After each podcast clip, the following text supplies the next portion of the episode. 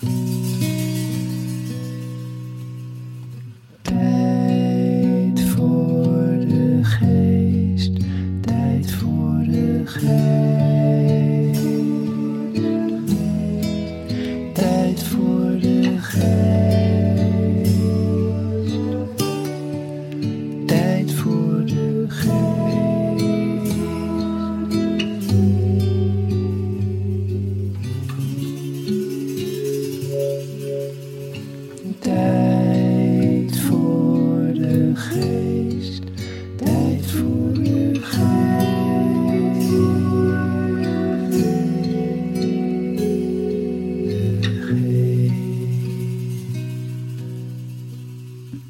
Welkom bij Tijd voor de Geest, een podcastserie van Museum van de Geest en Flow Magazine. In deze serie komen onder andere kunstenaars, schrijvers, illustratoren en fotografen aan het woord.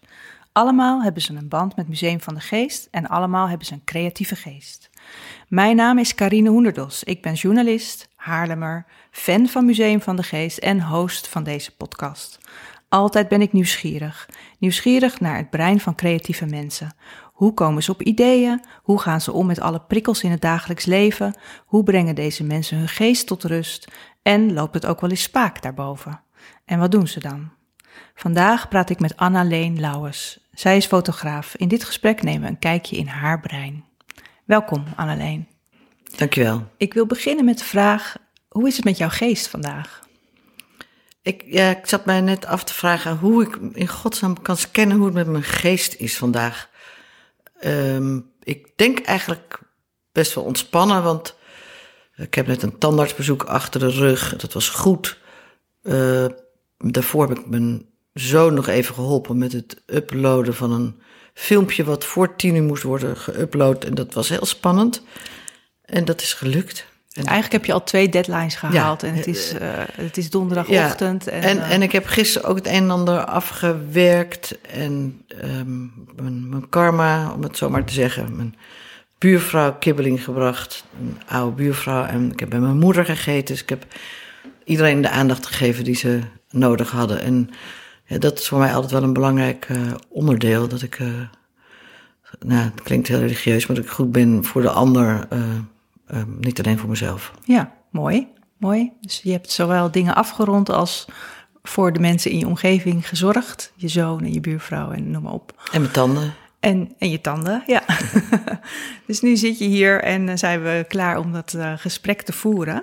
Eh, misschien is het leuk voor de luisteraars om te vertellen van... Ja, je bent dus fotograaf. Ehm, iets over je loopbaan tot nu toe? Of is dat, eh, wordt dat een heel lang verhaal? Want je hebt Ja. al heel veel gedaan. eh, Nou, ik zal het een beetje kort eh, in, in stukjes knippen. Ik ben vrij vroeg, jong begonnen met fotograferen. En ik had een donkere kamer al op mijn twaalfde jaar. Oh, wat leuk. En ik heb de hele middelbare schooltijd fotograferend en in de donkere kamer doorgebracht. Daarna ging ik gewoon uit. Ik was niet een extreme iemand. Ik, was, ging gewoon na twaalf uit als mijn foto's waren afgedrukt. en ehm, dan ging ik... eh, eh, ja, ik fotografeerde eh, alles wat vast eh, zat en wat los zat natuurlijk. Of hoe die uitdrukking ook heet. Maar ik, ik denk eigenlijk dat ik toen heel anders fotografeerde dan ik nu fotografeer. Ik denk dat ik toen eigenlijk alles wilde vastleggen wat ik om me heen meemaakte. Plus de betovering van het afdrukken van beelden in de donkere kamer. En het, het, het daarna ook aan mensen willen geven. Dus ook weer iets willen doen Delen. voor anderen. Of een, een mooi beeld afleveren. Daarna ben ik, naar de, eh, ben ik gaan assisteren bij een fotograaf. Eh, ik was 17 toen ik van de middelbare school afkwam. En op mijn negentiende ben ik naar de Rietveld Academie gegaan en heb daar mijn, ehm, af, op de afdeling fotografie mijn opleiding eh, of mijn fotografie voortgezet. Ik moest daar heel veel afleren, want ik had mezelf natuurlijk heel veel dingen aangeleerd. Daarna ben ik eh, eigenlijk vrij snel gaan werken in opdracht. En heel langzaam heb ik me ook als autonoom eh, fotograaf, kunstenaar met mijn eigen werk ontwikkeld. Ik ben ehm, zelf les gaan geven op de Rietveld. niet zoveel jaren later nadat ik daar vandaan kwam. En heb, dat, dat heeft me heel goed gedaan om ook mijn autonome werk weer eh, via de studenten eh, mezelf ook weer te spiegelen. En ik geef tot op heden nog steeds les. Eh, eerst heb ik 16 jaar les gegeven op de Rietveld. En nu op de KBK al een jaar of vijf. Tussendoor nog andere academies. En dat is voor mij een hele belangrijke eh, onderdeel van mijn werk. Dus ik heb mijn opdrachtwerk, mijn autonome werk en mijn Lesgeven. lesgeven. En dat is een, een ongeveer een soort driehoeksverhouding die ik eh, met mezelf heb. Mooi, ja. En dat intrigeert me dan, want hoe komt, hoe komt een meisje van 12 op het idee om eh, te gaan fotograferen en een donkere kamer in te richten?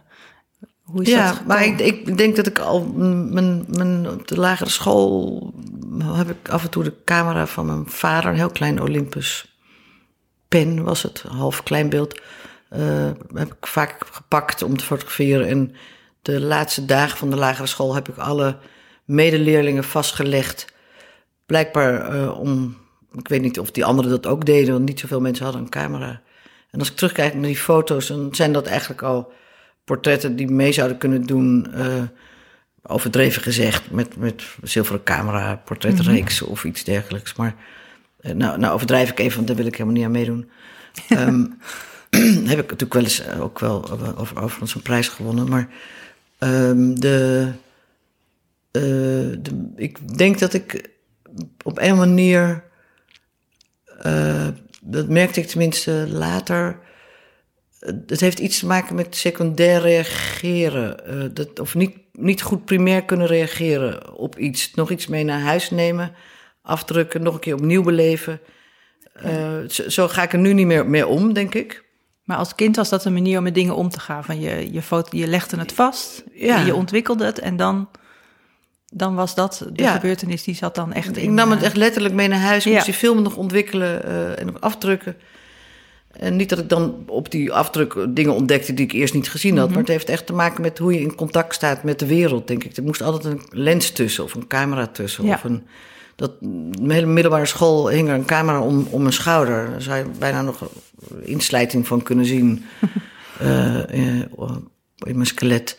Maar die, ehm, dat was... Dat, die is weg, die heb ik niet meer altijd bij me. Nu heb ik natuurlijk wel via mijn, Nee, want je praat nu in, mobiele in telefoon. tijd. Is, Ja. dat, is dat die behoefte, is die er niet meer om, om dingen tussen de lens te zien en het daardoor te verwerken of mee te nemen? Minder. Dat wil zeggen, ik heb, de, de, ik heb twee kinderen. Die heb ik natuurlijk van kinds af aan eh lastig gevallen met eh, dat ze wel voor de camera moesten. Die hebben, ook, die hebben daar geen moeite mee. Die gaan ook heel makkelijk bloot voor de camera. Als ik het maar niet met andere mensen deel. eh, op een manier die niet, waar zij niks van weten. Ehm, eh, mijn, mijn, mijn dochter, ik hou zelf helemaal niet van om gefotografeerd te worden, dus dat zit, zit er nog iets heel raars bij. Maar mijn dochter heeft het ook een beetje, maar mijn zoon helemaal niet. En ik heb, gebruik mijn mobiele telefoon natuurlijk heel veel om allemaal snapshots en ik- dingen vast te leggen.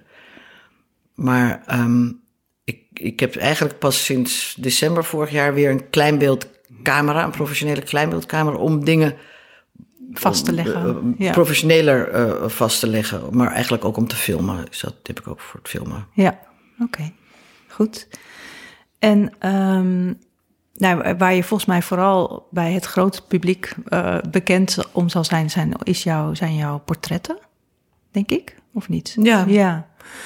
Ehm, en ik heb, ik heb natuurlijk eh, ter voorbereiding op dit gesprek allerlei portretten van jou bekeken. En ik, ik kwam ook portretten tegen die volgens mij in musea hangen. Nou, hier in het Museum van de Geest hangt, eh, ook, hang- hangt ook werk van jou. En wat ik altijd vind als ik naar een portret van jou kijk, is dat het zo, ik weet niet, dat het juist lijkt alsof die lens er niet is. Alsof je die mens dus echt ziet. Klopt dat? Of hoe, en hoe krijg je dat voor elkaar? Dat, eh, dat ik dat gevoel krijg daarbij. Ja, nou, dat, jij bent natuurlijk de beschouwer en ik ben de De maker. eh, ja. maker. Eh, ik heb. eh, ehm, ik, ik, dat, het is heel moeilijk om dat uit te leggen. Laat ik het zo zeggen. Ik ben altijd op zoek naar iets in iemand. En als ik jou nu zou moeten fotograferen, zou ik daar tijdens dit gesprek steeds naar op zoek gaan. Zoals jij nu ook bij mij naar iets op zoek bent.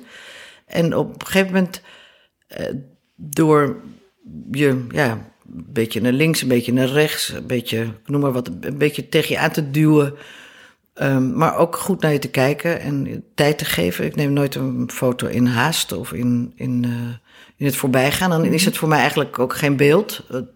Tenzij het weer een leuk eh, moment is in de familie of iets dergelijks. Ja, dan is het een Maar ik neem- snapshot, maar geen portret. Ja, ik neem Nee. echt de tijd en ik kijk en ik ben denk ik altijd op zoek naar hetzelfde. En ik verdenk mezelf er ook wel eens van dat ik naar iets op zoek ben wat op mezelf lijkt. Dat uiteindelijk toch een soort spiegelbeeld. Natuurlijk lijk jij niet op mij, maar Mhm. een, een blik die, die, die mij raakt, zoek ik. Want dat is wat je zegt, ik ben altijd op zoek naar hetzelfde. Wat is dat dan? Wat je, Ja, ik, iets wat je, jou Het is een soort, eh, alsof er twee... Ik maak nu een gebaar voor de microfoon, dat kan je niet horen. Maar waar, waar mijn twee vingers bij eh, eh, waar je elkaar precies raakt. Ja.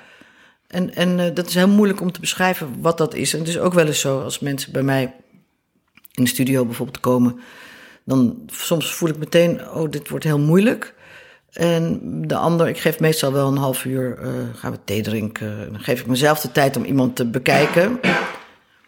En die reserveer ik ook, die tijd. eh, zeg ik van tevoren dat, hoeveel tijd het gaat duren. Dus we nemen gewoon de tijd. Ja. Dat wil niet zeggen dat hoe meer tijd ik aan het fotograferen ben, hoe beter die foto wordt. Dat is niet zo. Soms is het de eerste foto, maar Het is juist die tijd vooraf eigenlijk, waarin je iemand goed, goed bekijkt en, Ja. en op zoek gaat naar die, die, eh, die verbinding. Ja. Nou, in het begin heb ik heel veel portretten, of in het begin werkte ik veel meer voor bladen en was ik veel meer met de vorm bezig, dus meer de buitenkant en stond ik ook verder weg van mensen.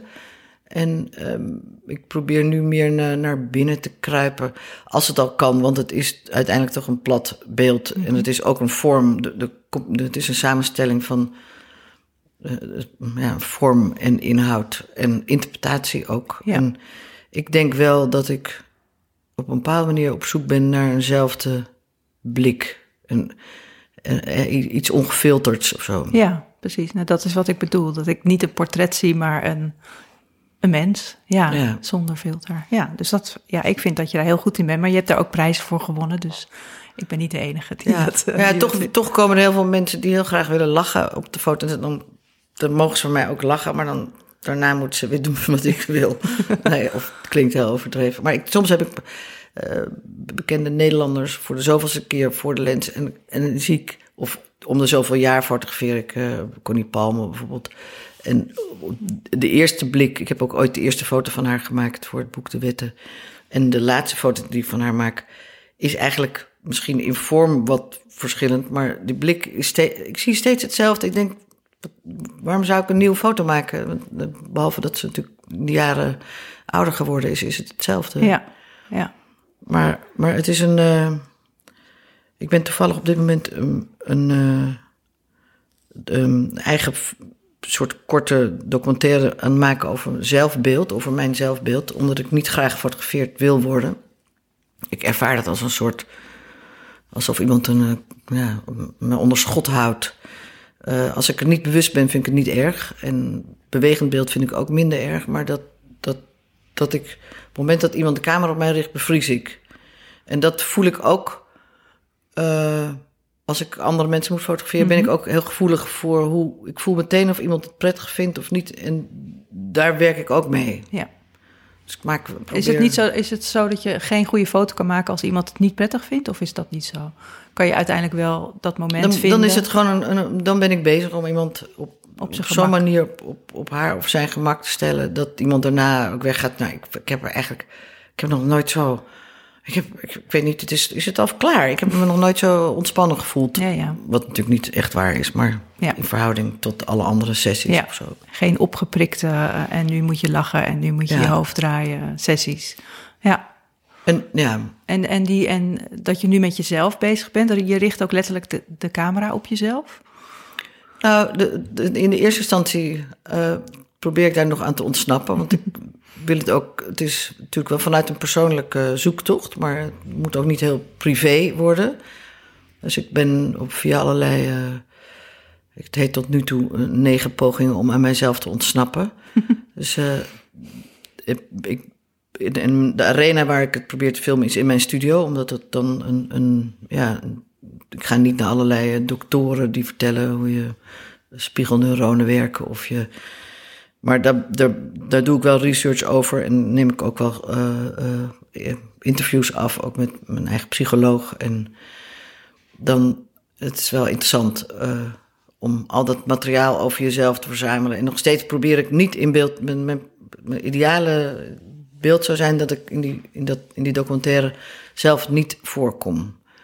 Dus je interviewt je, je eigen psycholoog en die gaat je dan uitleggen hoe dat dan werkt met in de hersenen, met beeld en zo. Maar al die tijd ben je hoe- zelf hoe het niet komt in- dat ik zelf, hoe, hoe het komt dat ik altijd kan ontsnappen Ja, aan, aan iets, Ja. om het zo te zeggen. oké. Eh, en waarom, ik- waarom ik eigenlijk aan de andere kant van de camera sta, ja, daar heeft zij niks over te zeggen. Maar dat heeft ook een reden. Ik sta niet graag aan die andere kant. Ja.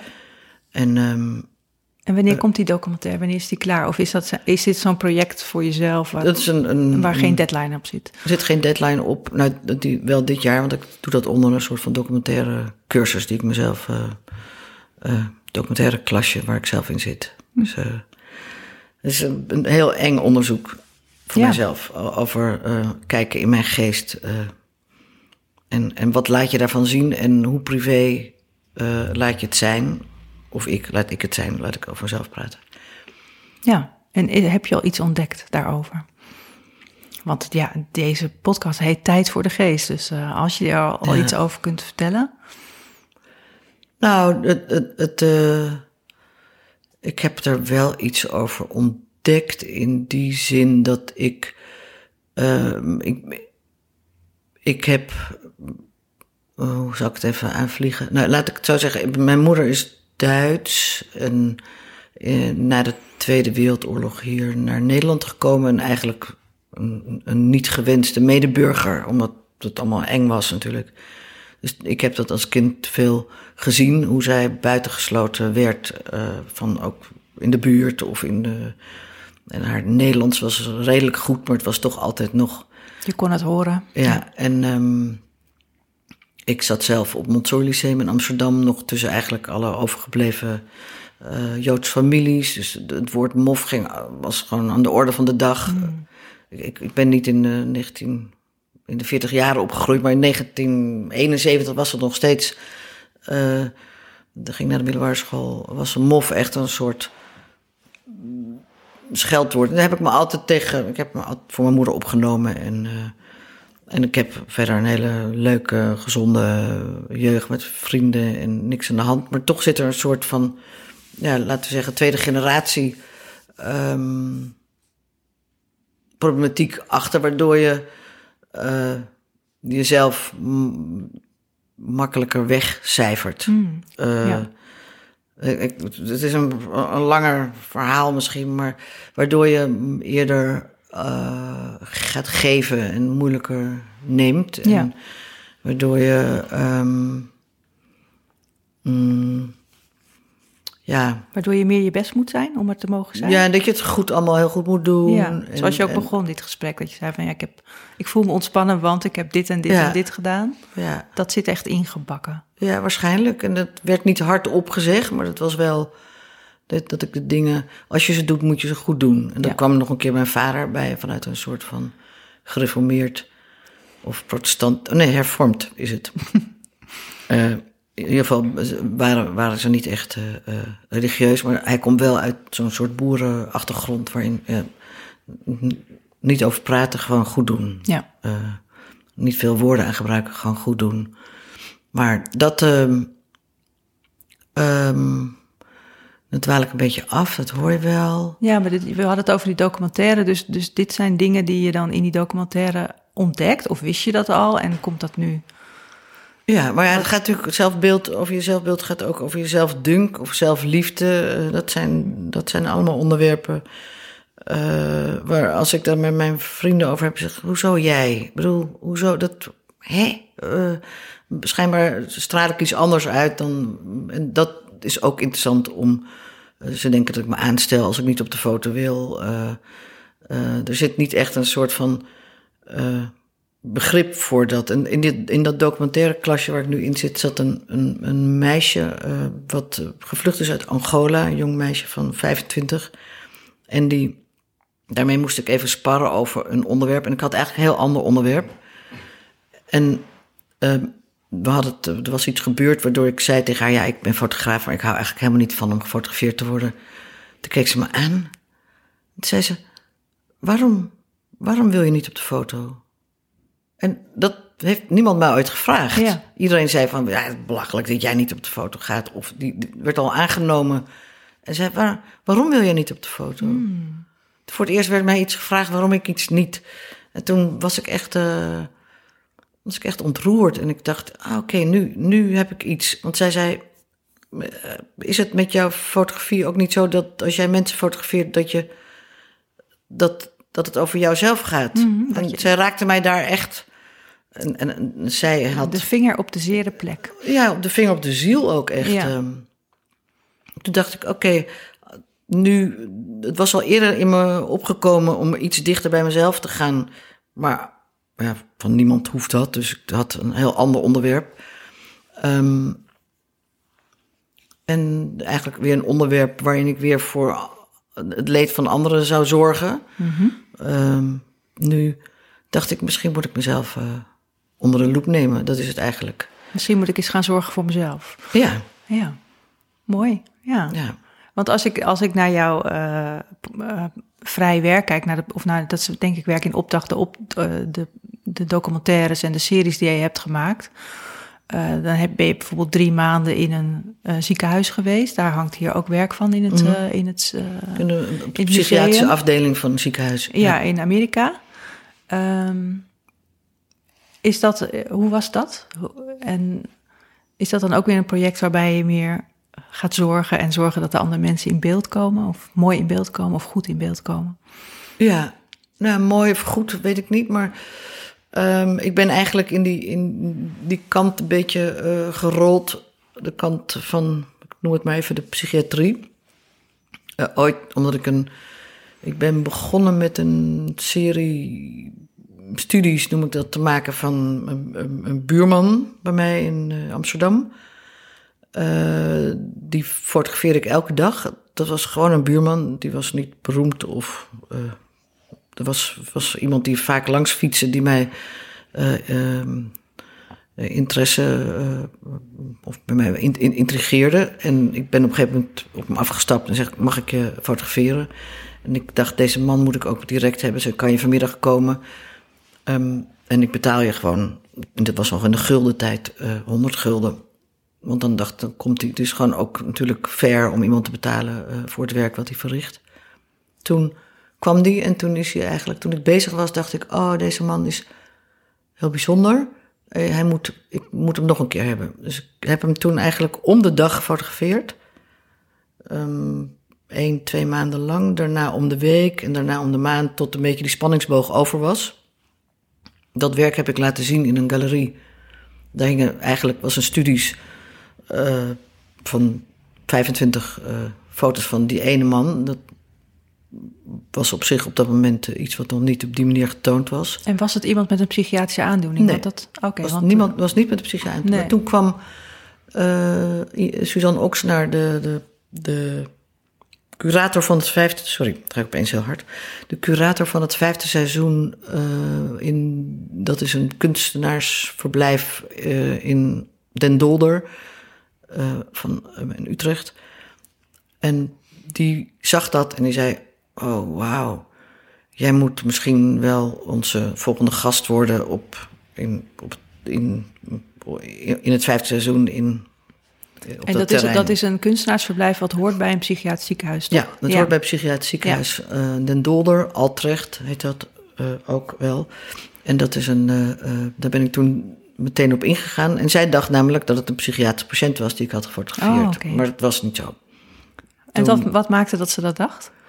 Was het een, was het een flamboyant figuur of een... Of een... Nee, het was iemand, dus niet een, een, een, een- het zou kunnen. De- de- aan de manier waarop ik hem gefotografeerd heb, zijn allemaal een beetje zittende. eh, ik, als, als ik mijn werk moet omschrijven, of dat werk moet omschrijven, zijn dat allemaal studies van zittende, van, van deze man zittend, wachtend, liggend, staand.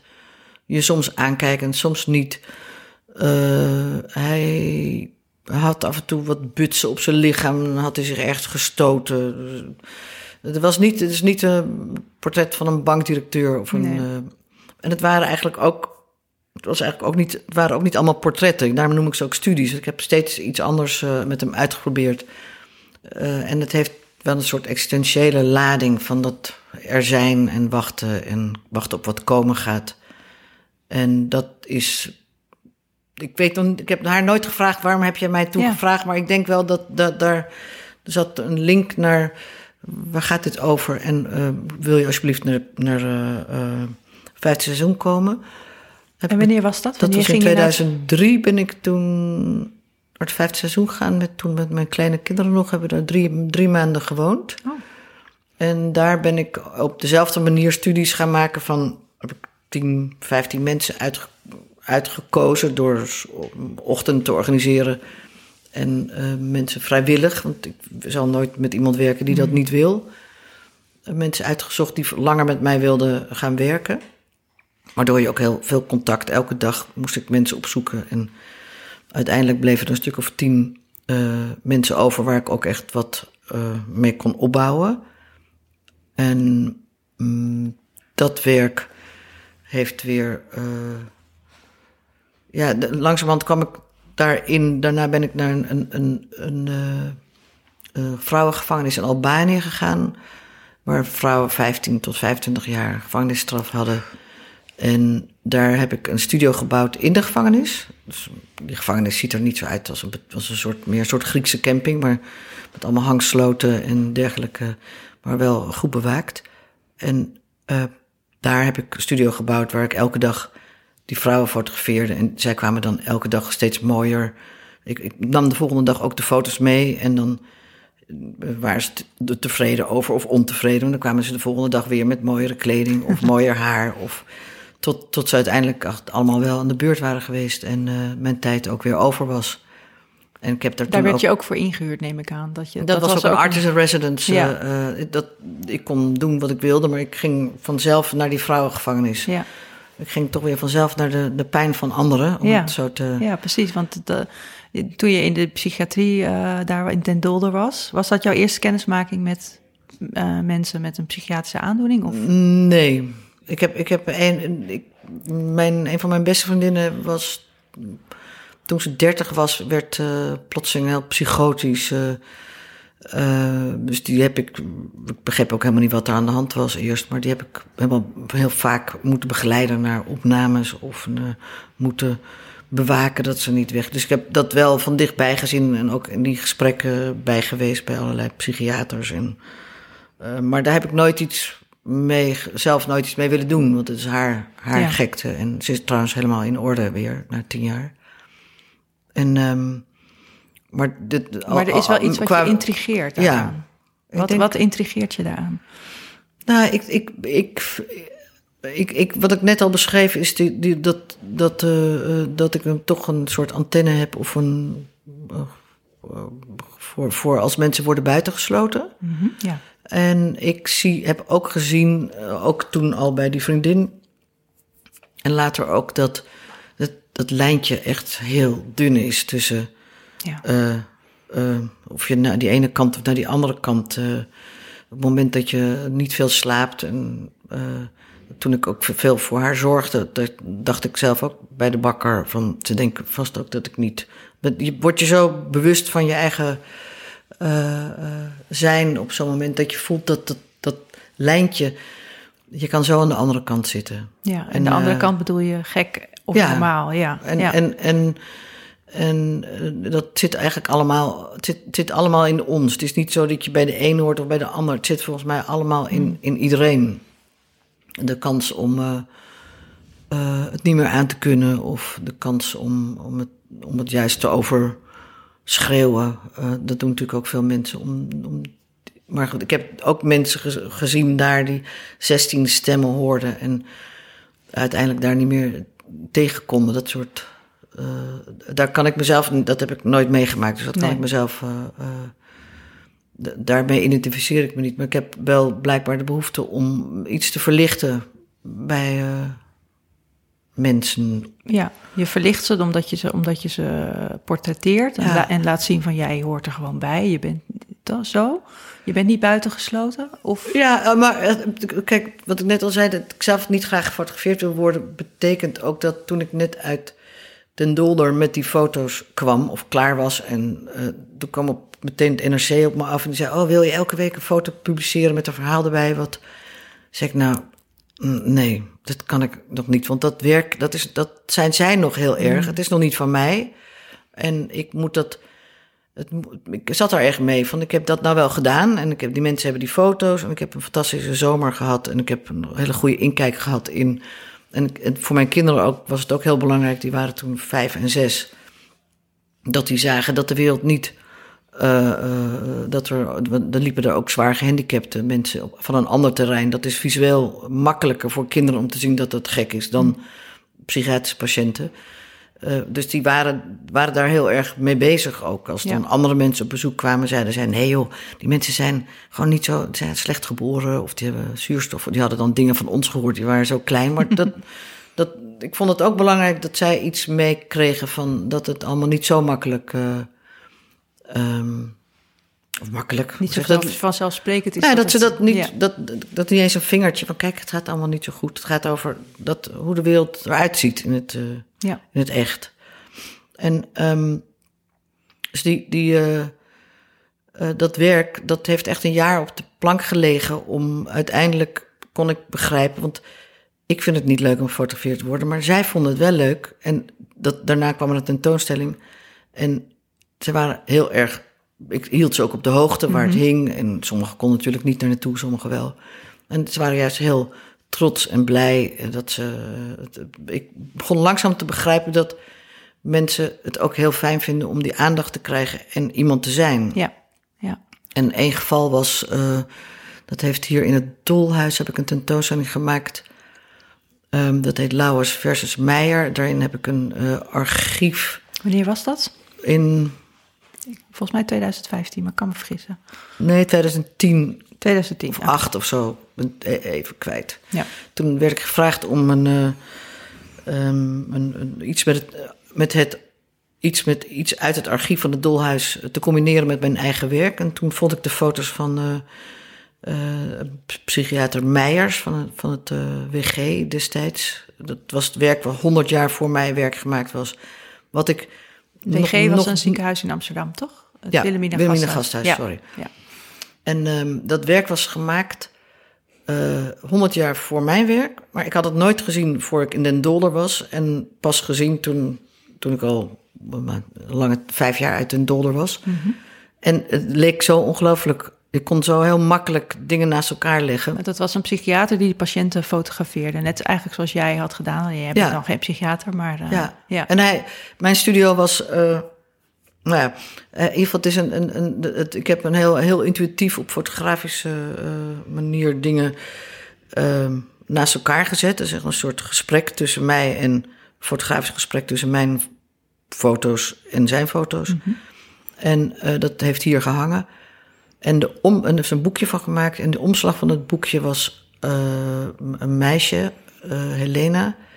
En ik vond dat ik haar toestemming moest vragen. Eh, dus ik heb haar weer opgespoord. En ehm, toen kreeg ik daar een dienstdoende psychiater. Zei, wie bent u? Want helaas, zij heeft niet zo lang geleden zelfmoord gepleegd. En toen ehm, zei ik, oh jeetje, nou, want ik had ook nog wel eens contact met haar gehad tussendoor. Ik zei, wat erg heeft ze, ik wist dat ze een kind had en een man. Zei, kan ik dan haar man vragen om toestemming? En toen kreeg ik hem, eh, had ik contact met hem. En hij zei, nou, die foto die jij ooit van haar gemaakt hebt, was een Polaroid. Die staat, die stond hier in huis en ze keek daar de hele tijd naar. Ze was er zo blij mee. En ik werd helemaal gek van die foto, zei, ze, zei die. Maar zij was er echt. eh, eh, dus het was zo ontroerend. En hij zei: Ja. Natuurlijk mag je dat voor, ervoor opzetten. En wij zaten met z'n. Ik moet nu bijna huilen, maar wij zaten met z'n tweeën. Met, ik, ik kende die hele man niet echt zo. Mm, dat was heftig. Dat was, Ja. eh, Ja, dat je, dat je toen pas besefte wat voor een invloed dat had. Nou, dat, Die foto. Daar, daar gaat het, daar ging ik het hele verhaal even naartoe. Maar dat Ja. ik het zelf niet zo goed kan voelen. En langzamerhand ben gaan voelen wat het voor mensen betekent. En dat was in Albanië bij die vrouwengevangenis. eh, eigenlijk door die studio daar te bouwen. eh, toen ik wegging, toen hingen in die barakken hingen overal. Maakte hele mooie afdrukken met een, een witte rand eromheen, met een fotootje in het midden. Elke dag bracht ik dat. Die hadden ze alweer helemaal uitgeknipt. want ze begrepen niet waarom er een witte rand omheen zat. en die waren overal geplakt eh, eh, langs de bedden en op de muren. En, en ze, hadden, ik, ze kwamen ook vragen of ik een andere foto wilde reproduceren. En dan hun baby erover, eruit knippen en dan op die foto plakken en opnieuw foto maken. Dus die hele, de hele, al die barakken hingen vol met, met, eh, eh, ja, met zeg maar beelden die ik achtergelaten had voor hun. Ja. En, eh, En is het zo dat je, dat je, je hebt dus ontdekt dat het voor mensen heel mooi en dierbaar kan zijn om gefotografeerd te worden? En is dat iets wat je nu zelf ook denkt van, zou dat voor mij ook zo kunnen werken uiteindelijk? Nee, want ik blijf, denk ik, ik ho- hoewel ik ehm, hoop dat, dat die, dit zelfbeelddocument wat ik, eh, waar ik me eh, mee bezig hou, dat dat wel iets oplost voor mij, hoor ik niet tot de mensen die het fijn vinden om eh, lang voor de spiegel of lang te poseren. Ik, ben, ik, ben, ik word me zo bewust en ik bevries en ik... Ja, maar misschien kun je zelf dan uiteindelijk meer dat gevoel toch snappen of krijgen? Of, Ja, ja. jawel. Ik, ik, ik doe ook niet spastisch meer als mensen een camera op me richten, maar ik vind het niet leuk. Nee. nee. Ehm, ja, zoiets. En ehm, ik vond het grappig toen jij hier binnenkwam en je kreeg een kopje koffie. Toen, eh, ik ben iemand die kijkt dan naar die koffie en die ruikt aan die koffie, noem maar op. En jij keek naar het bekertje. En eh, er zat een, een zebra-patroon op en daar zei je wat over. Dacht ik, oh ja, jij bent echt iemand met een visuele geest. Hè? Of is dat niet zo? Kijk, is het vooral altijd met je ogen? Jawel, heel erg. Ja. Hoe werkt dat? Nee, ik, ook, ook daar denk ik eh, dat ik een tik van de molen heb. Eh, ik zie echt alles. Ook als je auto rijdt, zie je nog net links in je hoek iets gebeuren. En dan zit mijn dochter daarnaast en zei ik, zag je dat? Zei ze, ja. Daar hoef het al niet meer over te hebben. Eh, terwijl iemand anders zegt, huh, nee, wat, waar, huh. Die snelheid waarin ik verbanden leg en dingen zie en ook bij elkaar breng of kleuren combineer. Ik denk, mijn moeder was, is ook onverbeterlijk nog steeds in dingen zien. En zit ik al zo, maar met mijn oren dicht als ze begint. Mama, luister maar niet naar deze podcast. Ehm, maar ik denk dat daar wel iets in ons bloed zit of zo. Of juist overgebracht is in, in kijken. Kijken, Ja. kijken. Heel erg van de details. Mm, Ik denk ook eh, dat, dat, als, dat als mijn kinderen iets over mij moeten zeggen... als ik er niet meer ben, gaat het daar over vermoeiende... Kijk daar, kijk daar, kijk daar. Ja, ja, ja, ja. Je wijst ook steeds op dingen. Oh, verschrikkelijk. Ja, en hebben zij het ook? Ja, mijn zoon niet zo, maar mijn Je dochter die dus ziet het wel. wel, maar die is nog met andere dingen bezig een beetje. Mijn dochter eh, ziet het ook, maar die zegt het niet zo. Die leert dat nou weer. Eh, dus het gaat er langzaam af. Maar ik, hoeft het niet zo te delen, wat ze allemaal Nee, maar dat wil niet zeggen wat ik zie. Dat ik, ik zie veel meer dan dat ik ermee doe. Mhm. Ik bedoel, het is niet dat ik daarom. eh, ik zou ook eh, goed in de verpleging kunnen zijn, terwijl ik goed zie. Je zou een uitstekende klinische blik hebben. Je zou het precies zien als er iets... Nou, dat weet ik klinisch weer, maar in ieder geval, ik denk dat ik ja, een, een goede huisarts of verpleegster, Ja, als dat nog bestaat, dat beroep. volgens mij wel. ja, en, en hoe is dat om, eh, om zo alert te zijn en zoveel beelden te zien? Zit het dan wel eens vol daarboven in je geest? Ja. Ja.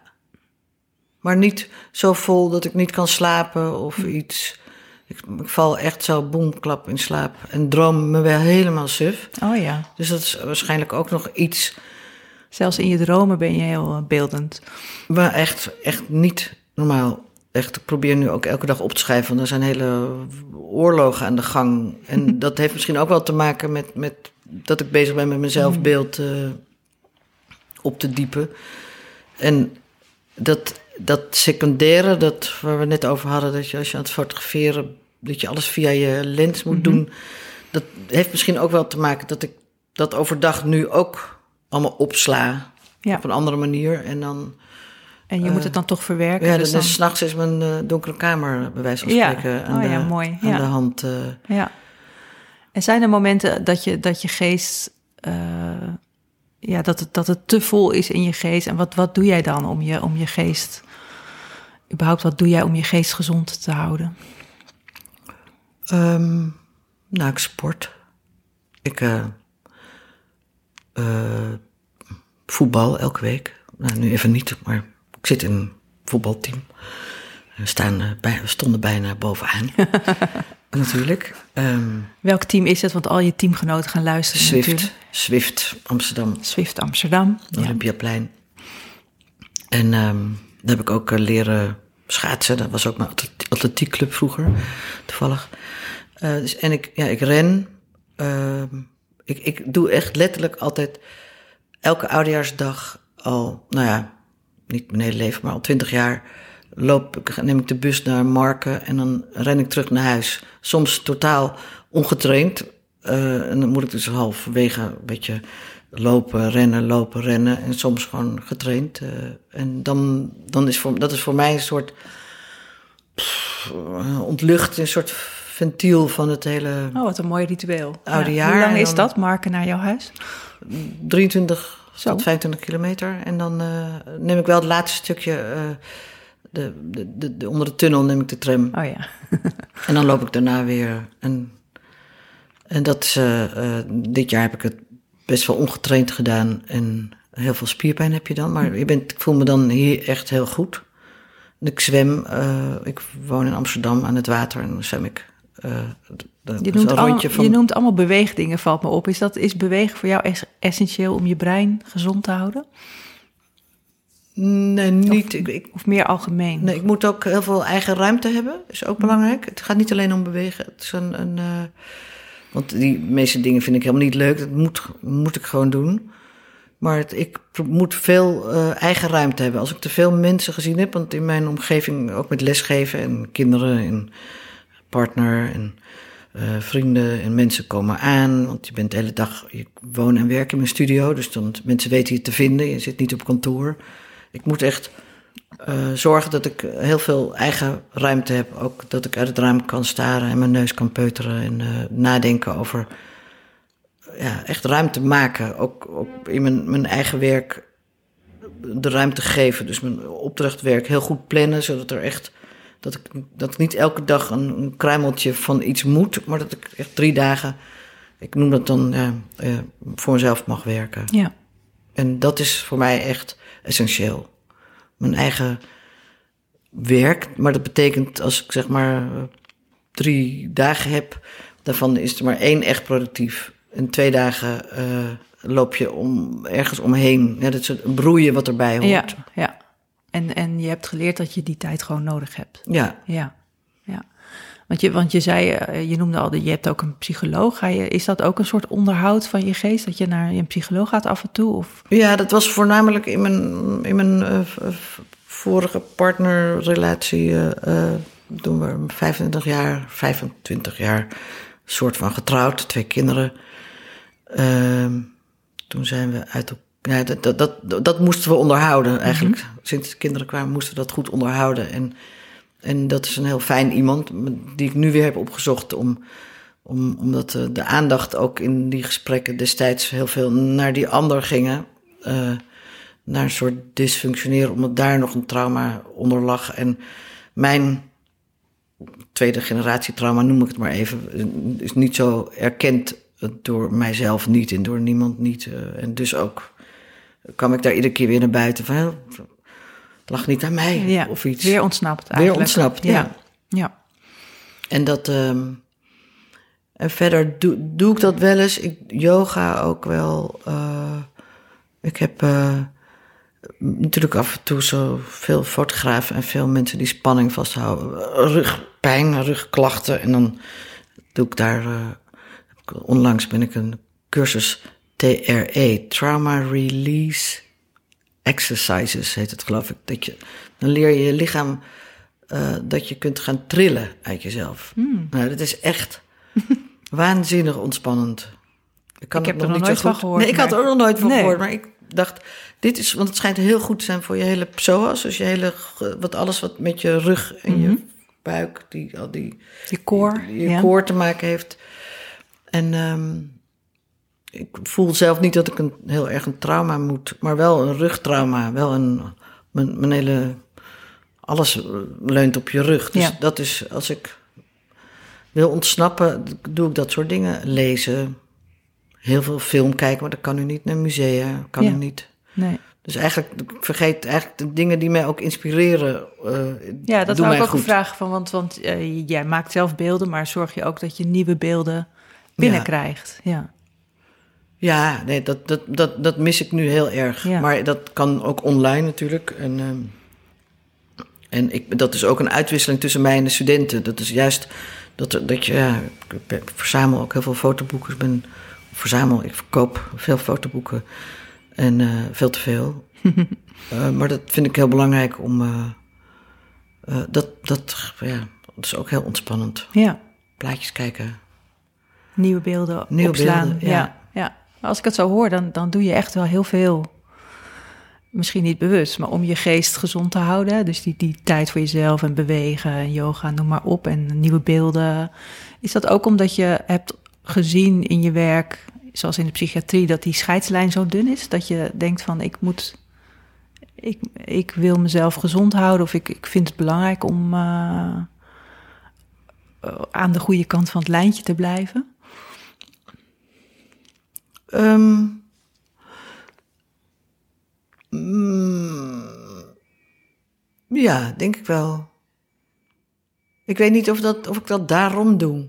Misschien dat ik dat allemaal nog niet zo goed kan scheiden. Want ik kan bijvoorbeeld ook eh, eh, eh, lekker uitgaan en drinken. Dus dat- dat- dan moet ik ook boeten. En, en dan, Met een kater. ja, nou gelukkig is dat niet zoveel meer tegenwoordig. Maar ehm, dan, dan, ja, daar moet je dan tegen, weer tegenaan zwemmen of voetballen of wat dan ook, Ja. om het zo te zeggen. Maar die, ehm, nee, ik, ik, ik, wil, ik heb wel dat ik mezelf altijd wil ontwikkelen. Ik vind het denk ik ook heel moeilijk om echt stil te staan. Misschien ook wel echt stil te staan bij mezelf, dat kan ook. Maar er is altijd wat te doen. En eh, als ik een tijd niet drink, zoals nu of zo, dan word ik heel actief. Dan ga ik echt. eh, dan, dan denk ik, oh ja, dat, dat glas wijn heb ik eigenlijk nodig om, om, tot, om stil te komen. Dus dan een soort stopper, Ja. een soort eh, om slap te worden. En nu ga je maar door. Ja, maar nu moet ik een andere manier eh, verzinnen om eh, niet door te gaan. Of, Ja. Er is altijd wel iets te doen, zeker als je in je eigen studio woont. Ja. En niet zomaar op de bank van je werk naar je huis overgaat in een ontspanning. Ja. Dus dat, dat is wel iets waar je, waar je aan moet werken. Aan die scheiding tussen je werk en privé, als die er überhaupt is bij jou. Misschien is die er wel eigenlijk Ja. helemaal niet. Nee. Nou ja, goed, dat, daar moet ik aan werken. Maar tegelijkertijd denk ik, ja, hoeveel jaren mag ik nog lekker eh, aan de slag? Dus ik, eh, eh, dat houdt ook op een... Nee, ik hou niet op, maar het hou, je lichaam zegt misschien op een dag ook, nou... Of de mensen om je heen zeggen, nou, die sturen maar niet meer daarheen. of dat is wel een hele oude kunstenaar of iets dergelijks. Ja. Dus, Wat- eh, wat daar, wil ik eigenlijk, daar ben ik ook aan het, ont, aan het ontsnappen. Ja. Ja. Ik snap het. Ja. En heb je nog projecten op stapel? Ja, ik ben nu... Nou, behalve dan met je eigen documentaire, maar... Ja, nou, ik ben, ik ben gevraagd om een bijdrage te leveren aan een grote tentoonstelling over. ehm, een grote tentoonstelling over een, een project over Joe Orton. Dat is een eh, Engelse playwright, toneelschrijver. Die geboren in 1936, geloof ik, of zo. Maar die is in, toen hij 36 was, vermoord door zijn eigen vriend. Eh, nog in de tijd dat, dat het eh, eh, homoseksualiteit in Engeland strafbaar was. Eh, en de, de- het is een beetje het verhaal dat eigenlijk door de druk van dat dat om dat dat, dat die, die geheimhouding eh, deze Kenneth Halliwell, die partner van Joe Orton, dat hij tot die daad is gekomen. In combinatie met jaloezie. eh, eh, maar de tentoonstelling gaat, is naar aanleiding van het 50-jarig bestaan van een bepaald stuk van deze schrijver. Maar gaat eigenlijk niet zo over hem. Het gaat meer over seks, seksualiteit, eh, psychiatrie. En ook weer eigenlijk over uitsluiting. Dat, dat we weer op een punt zijn waarin vijf, we dachten dat we alweer uit waren, is nog steeds, is pas dit jaar geloof ik, zijn die, ehm, is, is, pas dit jaar is het in Nederland ook verboden dat eh, homoseksualiteit eh, genezen kan worden. Dat Oh, wil ja. zeggen, het werd nog als ziekte beschouwd. En ik heb toevallig laatst een hele serie eh, mannen gefotografeerd die nu onlangs net ontsnapt zijn, letterlijk ontsnapt zijn aan, aan homogenezers. Oh, echt? Eh, Behandeling. door religie steeds verder in een, in een, een soort huizen geduwde. Ja, echt een soort nou, gevangenissen zijn het niet, maar moeilijk te ontsnappen eh, omgevingen. En ik ben met een paar van dat soort. eh, een paar van deze jongens wil ik. Het is geen documentaire, maar een soort, ook een soort studie van filmen. Dus eh, beeld en geluid ook weer loskoppelen. En, dus ik ben daar een soort van drieluik aan het. eh, Ja. voorbereiden. En mm, ik ben. Dit is ook weer de Beautiful Distress, overigens, die dat organiseert. En die toen hebben ook mij naar de Kings County Hospital in New York Ja. gestuurd Het destijds. is een stichting die... Wat, ja, wat doen ze precies? Dat is een stichting die eh, via kunst probeert de, de, de psychiatrie te destigmatiseren in een heel lelijke zin gezegd. Maar Ja.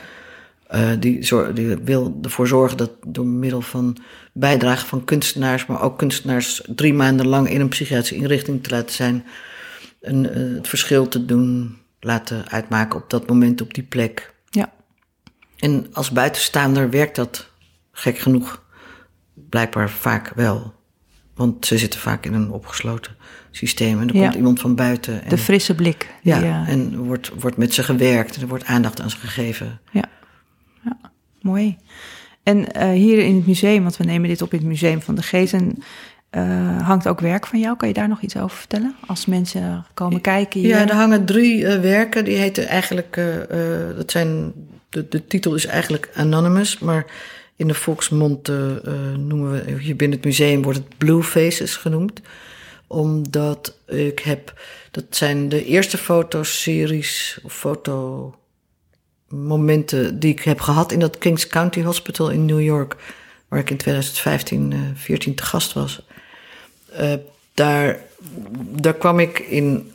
Dat is een, een, een psychiatrische eh, afdeling van een heel groot ziekenhuis in East Flatbush. In een heel arm, nog niet ges- gegentrificeerd, gedeelte van New York.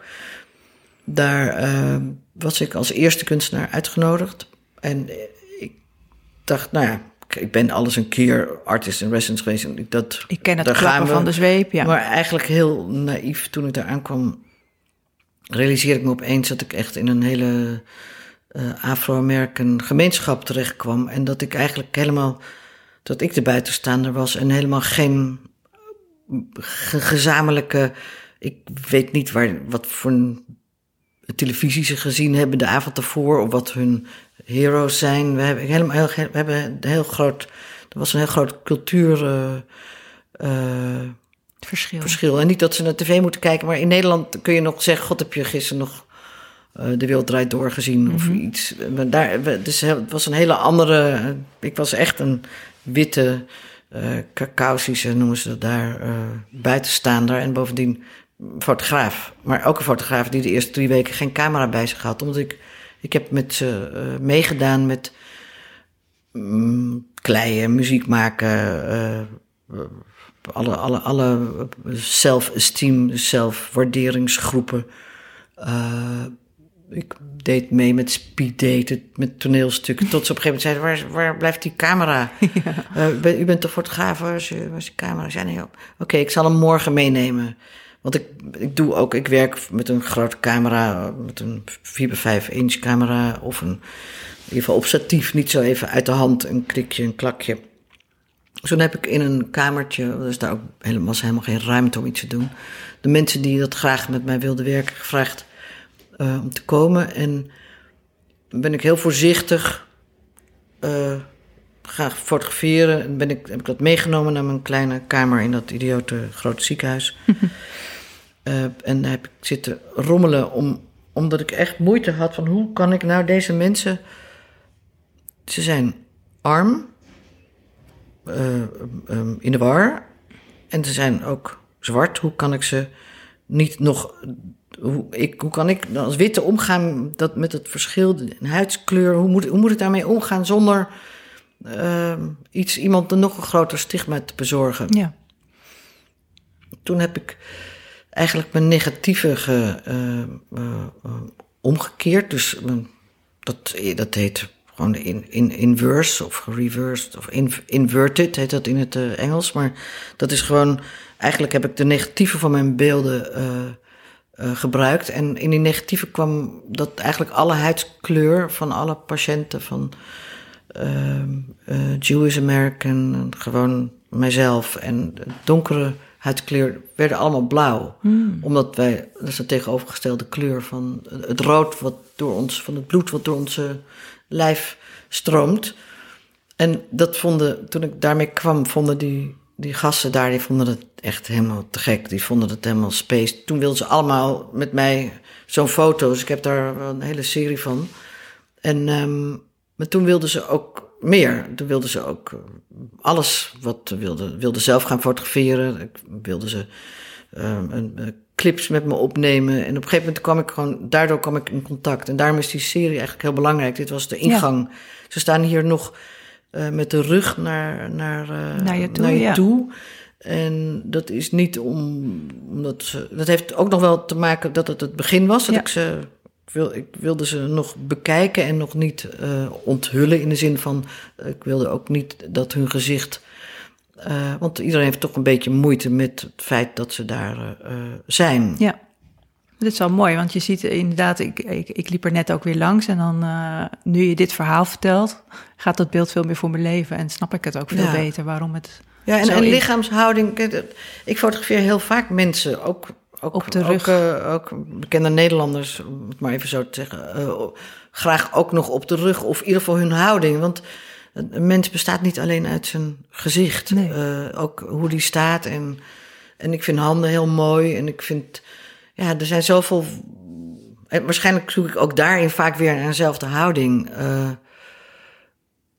want het is toch, het zit dicht tegen een soort zero aan, tegen een niet-houding. Mhm. Mm -hmm. In plaats, ik ben niet zo geïnteresseerd in wijd uitgespreide handen en uh, ex, expressie gemaakt voor de foto, om het Ja. maar zo te zeggen. Ja, Dus het heeft iets lichaamsechts of zo. ja, En ik vind dat het lichaam erbij hoort. ja, ja, dat zijn mooie beelden. Nou, ik zou zeggen, mensen, kom een keer kijken naar, de, naar dit werk. En nu weet je het verhaal uh, daarachter. Um, Anneleen, dank je wel voor dit gesprek. Ik vond het een heel mooi gesprek, dank je wel. Dank je luisterde naar Tijd voor de Geest, een podcast van het Museum van de Geest en Flow Magazine. De producer is Jonne Seriese. De tune is van Spinvis en mijn naam is Carine Hoenderdos. Wil je meer weten over het museum, over deze podcast of over Flow Magazine? Bezoek dan www.museumvandegeest.nl en www.flowmagazine.nl. Abonneer je op deze podcast bij iTunes en laat een review achter. Of deel deze podcast met vrienden en familie, zodat zij ook eens tijd maken voor de geest. Tot de volgende keer. Tijd voor je geest.